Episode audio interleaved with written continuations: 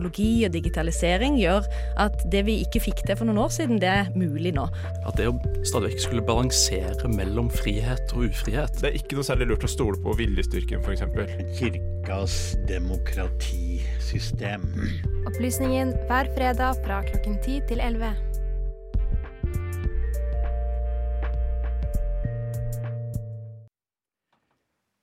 Ja, i anledning Black History Month i Norge er det viktig å se på afrikanernes historie her til lands. Vår reporter Marie Kirkedam tok en telefon til Michelle Tistel, som er sosialantropolog ved Nasjonalbiblioteket. Tistel har gått gjennom bibliotekets arkiver for å bli kjent med den afrikanske historien i Norge, og forteller om det som kalles for den afrikanske diasporaen. På grunnskolen lærte de fleste av oss mye om slaveri og borgerrettighetskamp, om Martin Luther King og Obama. USAs svarte historie er kanskje tydelig for de fleste, men hva med den afrikanske historien i vårt eget land? I oktober markeres Black History Month i Norge. Dette er opprinnelig et amerikansk konsept med røtter tilbake til 1926. Formålet med markeringa er å spre afroamerikansk historie og fokusere på en positiv forståelse av befolkningens bidrag til landet. Black History Month blir nå markert hjemme hos oss, der oktober skal brukes til å rette søkelyset på den afrikanske diasporaen i Norge. Men hva betyr egentlig det her? For å bli litt klokere på temaet, har jeg snakka med en av dem som har brukt Black History Month til å utforske afrikansk kulturarv i Norge. Mitt navn er Michelle A. Tistel. Jeg er sosialantropolog og jobber som forskningsbibliotekar ved Nasjonalbiblioteket. Denne høsten har hun tatt et dypdykk i Nasjonalbibliotekets samling for å finne historier som kan belyse den afrikanske diaspora. Men først av alt må vi finne ut hva er egentlig den afrikanske diaspora? Opprinnelig så ble den afrikanske diaspora eh, brukt for å beskrive konsekvensene av eh, slavehandelen, og at det, finnes, at, at det var en så stor, eh, mange og veldig stor eh, antall mennesker med afrikansk opphav som befinner seg i Nord-Amerika, Sør-Amerika og Karibia. Så opprinnelig ble den afrikanske diaspora brukt for å beskrive konsekvensen av slavehandelen og den transatlantiske slavehandelen. Men um, i dag så brukes begrepet i, i, et utvidet perspektiv, og det beskriver andre migrasjonsprosesser som har ført til at det finnes uh, personer med afrikansk opphav uh, utenfor kontinentet. Så det vil si at senere uh, migrasjonsprosesser som har ført til at, at det er afrikanere i Norge, at det finnes norsk-afrikanere, osv. At alle mennesker på en måte som identifiserer seg med sitt afrikansk opphav, uansett hvor langt tilbake i sin familiehistorie det ligger, på en måte utgjør eh, en afrikansk diaspora. Altså er dette et begrep som omfavner mennesker med afrikansk opphav som er bosatt utenfor det afrikanske kontinentet. Mange av oss vil da kanskje trekke slutninga om at den afrikanske diasporaen i Norge fikk sin begynnelse med den moderne innvandringa på 60-tallet. Men det viser seg at den afrikanske kulturarven går mye lenger tilbake enn det vi kanskje tror. Faktisk så har vi hatt afrikansk tilstedeværelse i landet vårt helt siden slutten på 1500-tallet.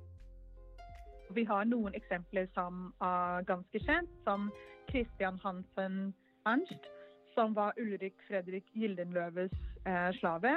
Og, og, og, og, Gyldenløve var selvfølgelig eh, kongens statsholder i Norge fra 1664 til eh, 99. Og han, eh, han, hadde med seg eh, Christian Hansen Ernst. Og det er jo en eh, person som mange kjenner ble, som ble utnevnt som postmesteren i Kragerø i 1681. Så han er et eksempel som om, om, noen kjenner et eksempel, så kjenner mange det, det, det eksempelet. Så det, Da har man eh, et eksempel. Og så har man lille Olav, som var ett år, som, som kom til Norge eh, så, med sin far Albert Juleik, som hadde vært i Kongo. Og fikk barn med en afrikansk kvinne der, eller kongolesisk kvinne der. Og han tok med seg sitt sin ett år gamle sønn Olav tilbake til Norge i 1908.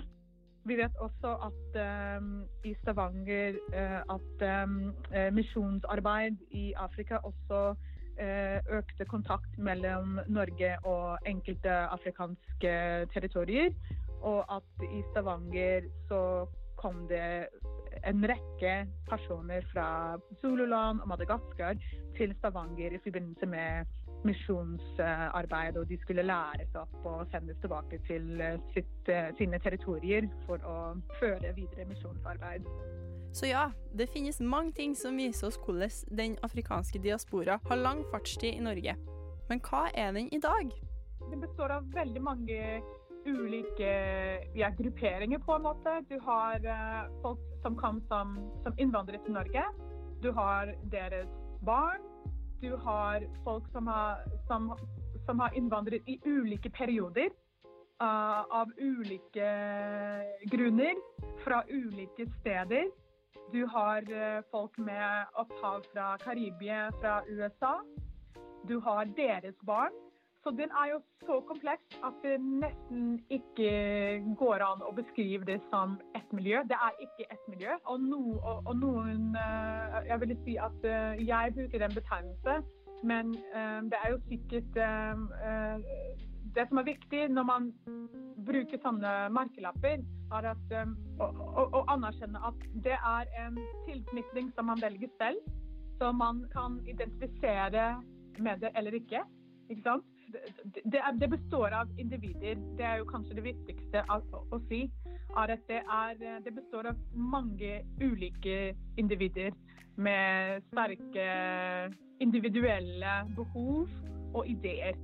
Vi kan altså konkludere med at den afrikanske diasporaen ikke bare er tydelig i USA, men også her hjemme hos oss. Og for å avslutte med Tistels egne ord Så jeg bare tenker at generelt at fremtiden er en diaspora. Fordi det å flytte fra et sted til et annet vil være den eneste måte for noen eh, folk å overleve på. Og reporter i denne saken, det var Marie Kirkedam. Tusen takk til eh, Michelle A. Tistel, sosialantropolog ved Nasjonalbiblioteket.